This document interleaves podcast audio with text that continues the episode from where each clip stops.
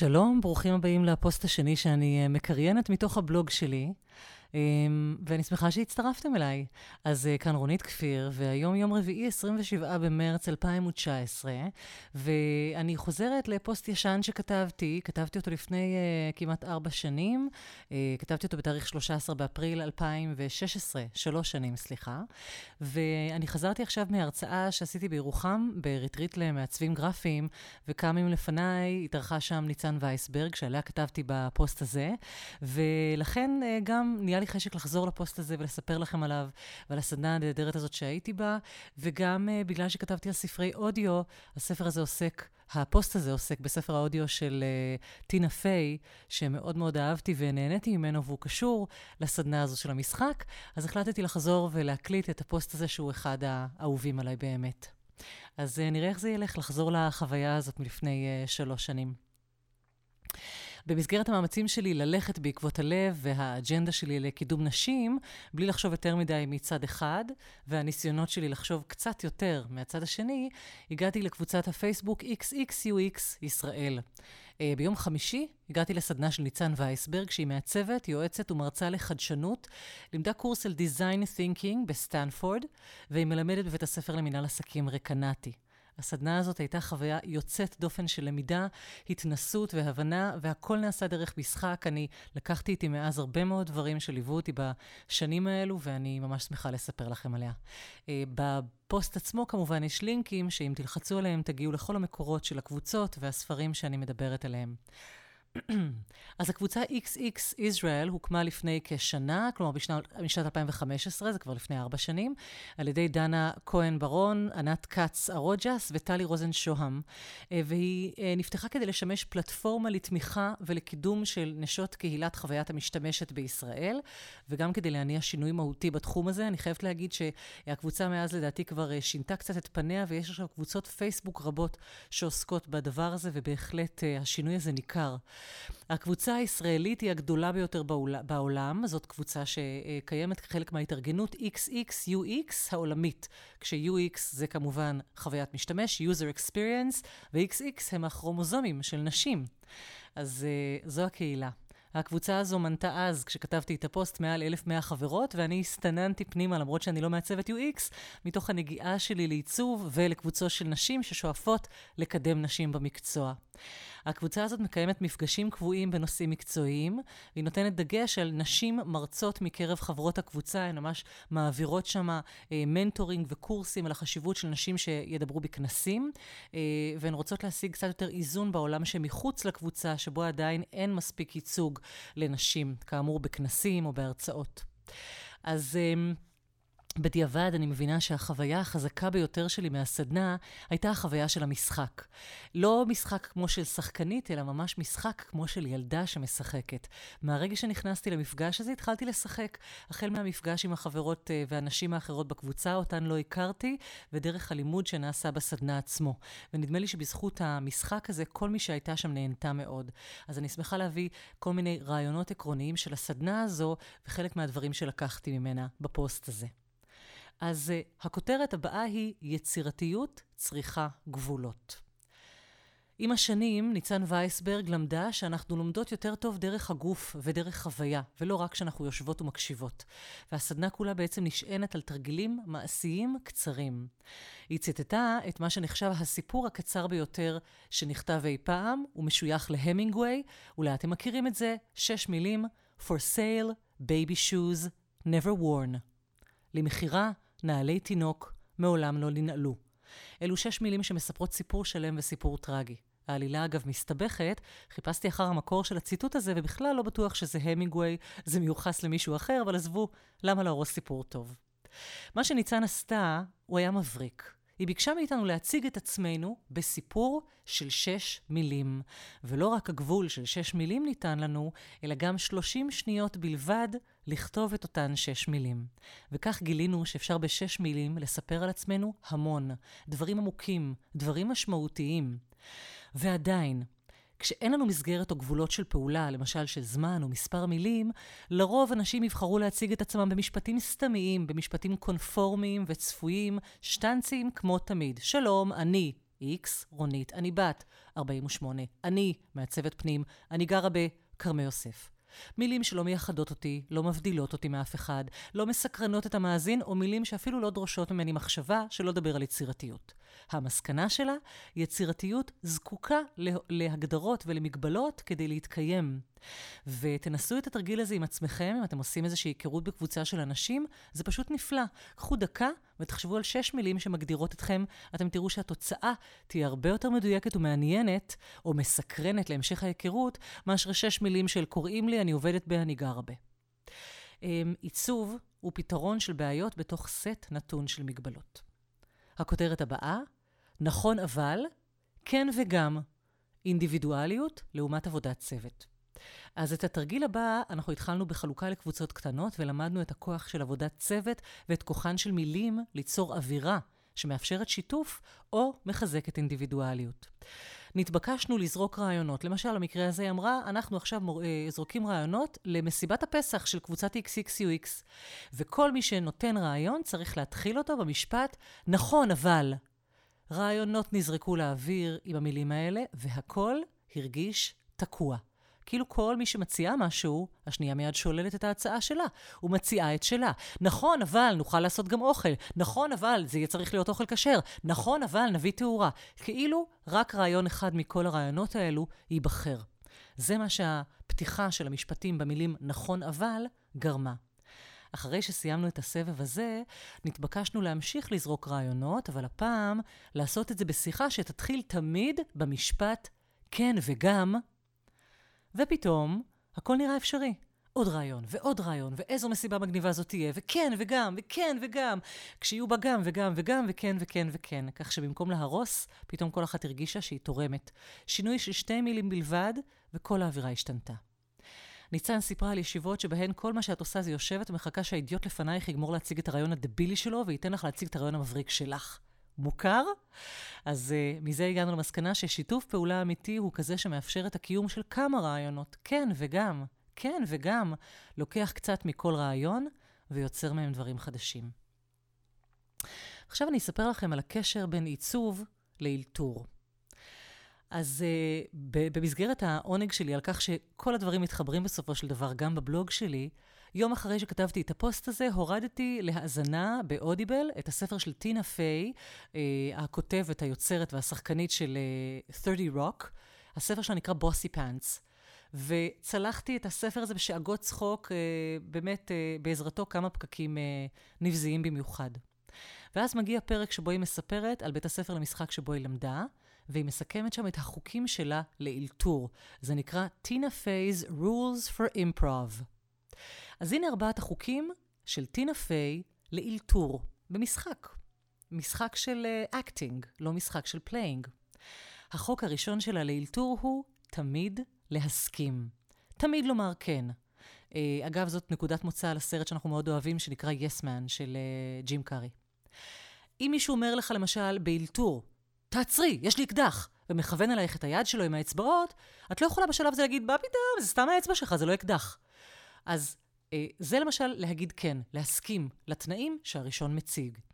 החוק השני של האלתור אומר לא רק כן, אלא כן וגם. והנה, זה מתחבר לכן וגם של ניצן.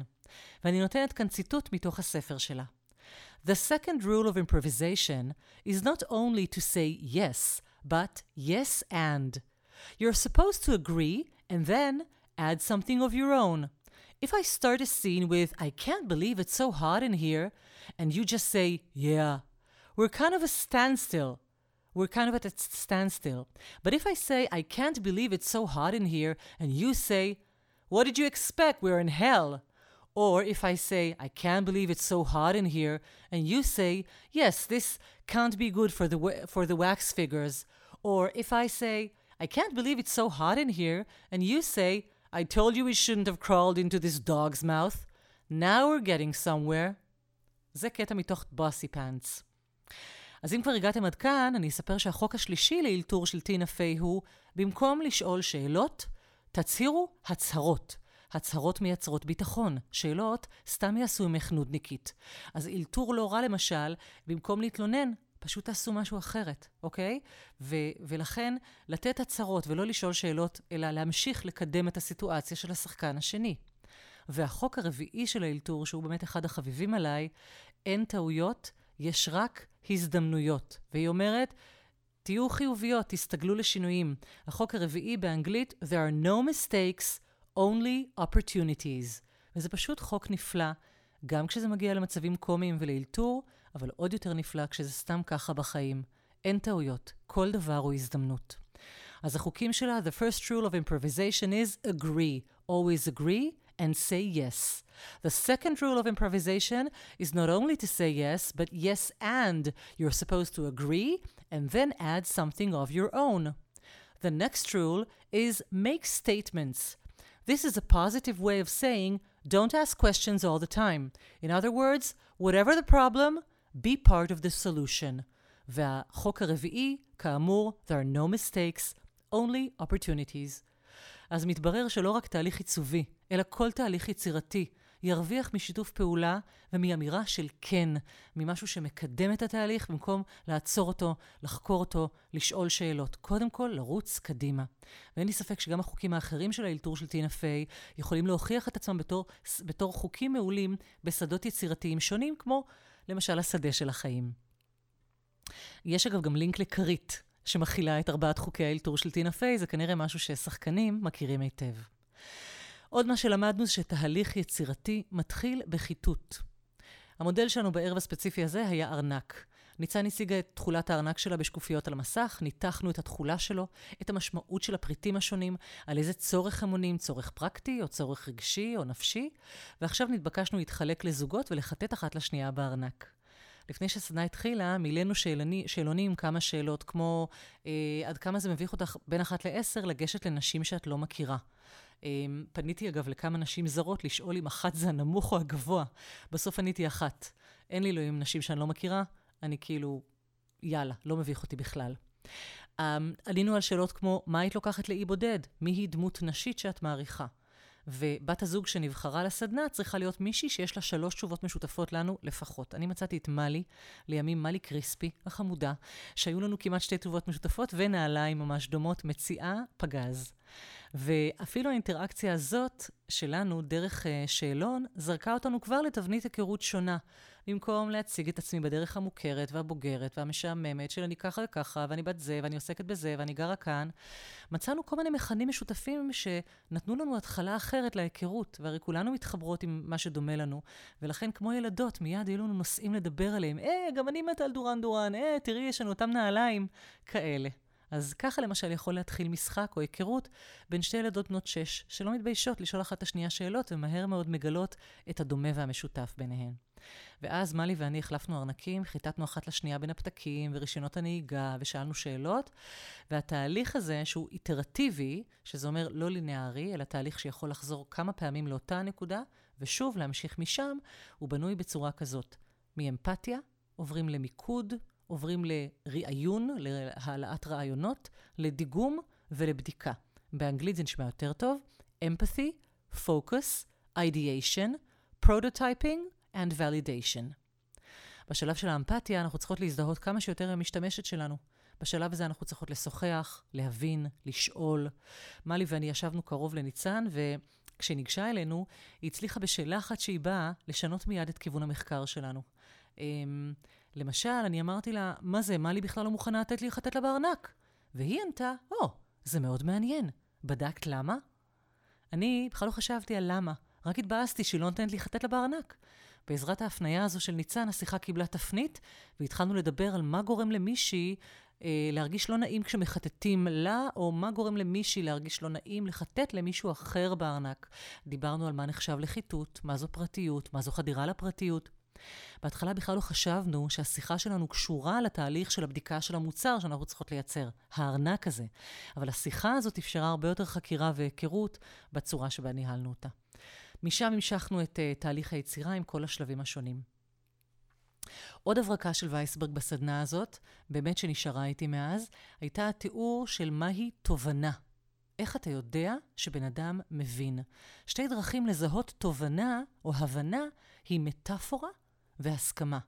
כשאני מצליחה לתאר משהו בצורה מטאפורית, לרוב זה אומר שהבנתי, שתפסתי את המהות שלו. אותו דבר כשהקהל מהנהן, ואת זה אני יודעת היטב היום מההרצאות שלי, סימן שיש או הבנה או תובנה. כלומר, הסכמה. כשאני מרצה היום ואני רואה אנשים צוחקים מאחורה או מהנהנות בראש נשים כל הזמן, אני יודעת שהן בדיוק מבינות למה אני מתכוונת. ולבסוף, בסוף, וזו באמת החוויה של הקייטנה, בשלב של הדיגום קיבלנו חומרים, כל מיני חומרי יצירה כאלה של ילדים, ויצרנו איתם בכמה דקות ממש איזשהו אב טיפוס של ארנק, שהיה אמור לענות על הצרכים שמצאנו אצל בת הזוג לסדנה. אז אה, גם בסיום הזה, ניצן חזרה והסבירה והדגישה והדגימה כמה הדיאלוג הוא חשוב, לא כמטאפורה, אלא ממש לקיים דיאלוג. במקום לדמיין או לחשוב על פעולה שמתרחשת כל אחת בתוך הראש שלה והעולם שלה, היא ממליצה ממש לייצר אינטראקציה של משחק. לייצר תסכית, לייצר תשאול, דיאלוג משוחק, ממש כמו אימפרוביזציה של טינה פיי. לייצר דיאלוג בין שתי יוצרות, המעצבת והמשתמשת. אחת משחקת את תפקיד המשתמשת, ואחת את תפקיד המעצבת. היא מראה שלעיתים בדיקה פיזית של מוצרים, במקום רק לחשוב עליהם או לדבר אה, עליהם, אלא ממש לנסות לבנות אותם, עשויה ללמד אותנו יותר על המשתמשת שלנו ועל הצרכים. אה, שלנו. כאן יש צילום של ילד קטן בתוך קופסת קרטון. בהתחלה של הסדנה, ניצן הראתה צילום ששני ילדים משחקים, כל אחד בתוך קופסת קרטון, והדימוי הזה נחרט לי בראש. כאילו, כדי לחשוב מחוץ לקופסה, אני צריכה לדמיין, על ידי הכלי שהיא הדגישה, של אמפתיה, שאני ילד שמשחק בתוך קופסה. אמ, והיא המליצה גם לעמוד ולא לשבת. כלומר, כשאתם מנסים אה, לדבר ולעשות דיאלוג, לעמוד, כדי באמת לצאת מסיטואציה קפואה. את ההמלצה הזאת אני הכרתי בתור קרנית פרסומות. כשקריינתי את אחת הפרסומות הראשונות שלי, אה, ינקלה מהאולפן אמר לי לעמוד. חשבתי שהוא צוחק עליי. אבל מאותו רגע למדתי שהרבה יותר קל להתלהב, למשל, בעמידה, מאשר בישיבה. הקול גם נשמע אחרת לגמרי. כל הגוף יכול להשתתף בהפקה של המילים ושל הצליל. והרבה פעמים, גם בפגישה עם לקוחות, שאנחנו צריכים להחליט על תכנון מסוים בעיצוב פנים, אני קמה, אני מדגימה להם דברים, אני הולכת בחדר ואני אומרת להם, בואו, תקומו, תלך רגע שני צעדים ותבין למה שני צעדים לצד השני של המטבח זה יותר מדי. אני רוצה שזה יהיה לא יותר מצעד וחצי. אני מזמינה אותם להושיט יד למדף גבוה מדי, או להושיט יד למפסק נמוך מדי, כדי להבין בדיוק איך זה מרגיש כשהעיצוב הוא לא מדויק, או בשביל להבין איך הוא צריך שאני אעצב עבורו. ובאמת לפעמים אין הבנה שהיא הבנה טובה וחכמה, כמו הבנה דרך הגוף. אז uh, אני uh, ממליצה לכם להיכנס דרך הפוסט הזה ללינקים. מאוד ממליצה להקשיב לטינה פיי שקוראת את הביוגרפיה שלה ונותנת את הכללים האלו, וגם לעקוב אחרי הסדנאות של uh, ניצן וייסברג. ותודה שהקשבתם לי גם לפוסט הזה. כרגיל, אני אשמח לשמוע תגובות, ואנחנו ניפגש בפוסטים המוקלטים הבאים.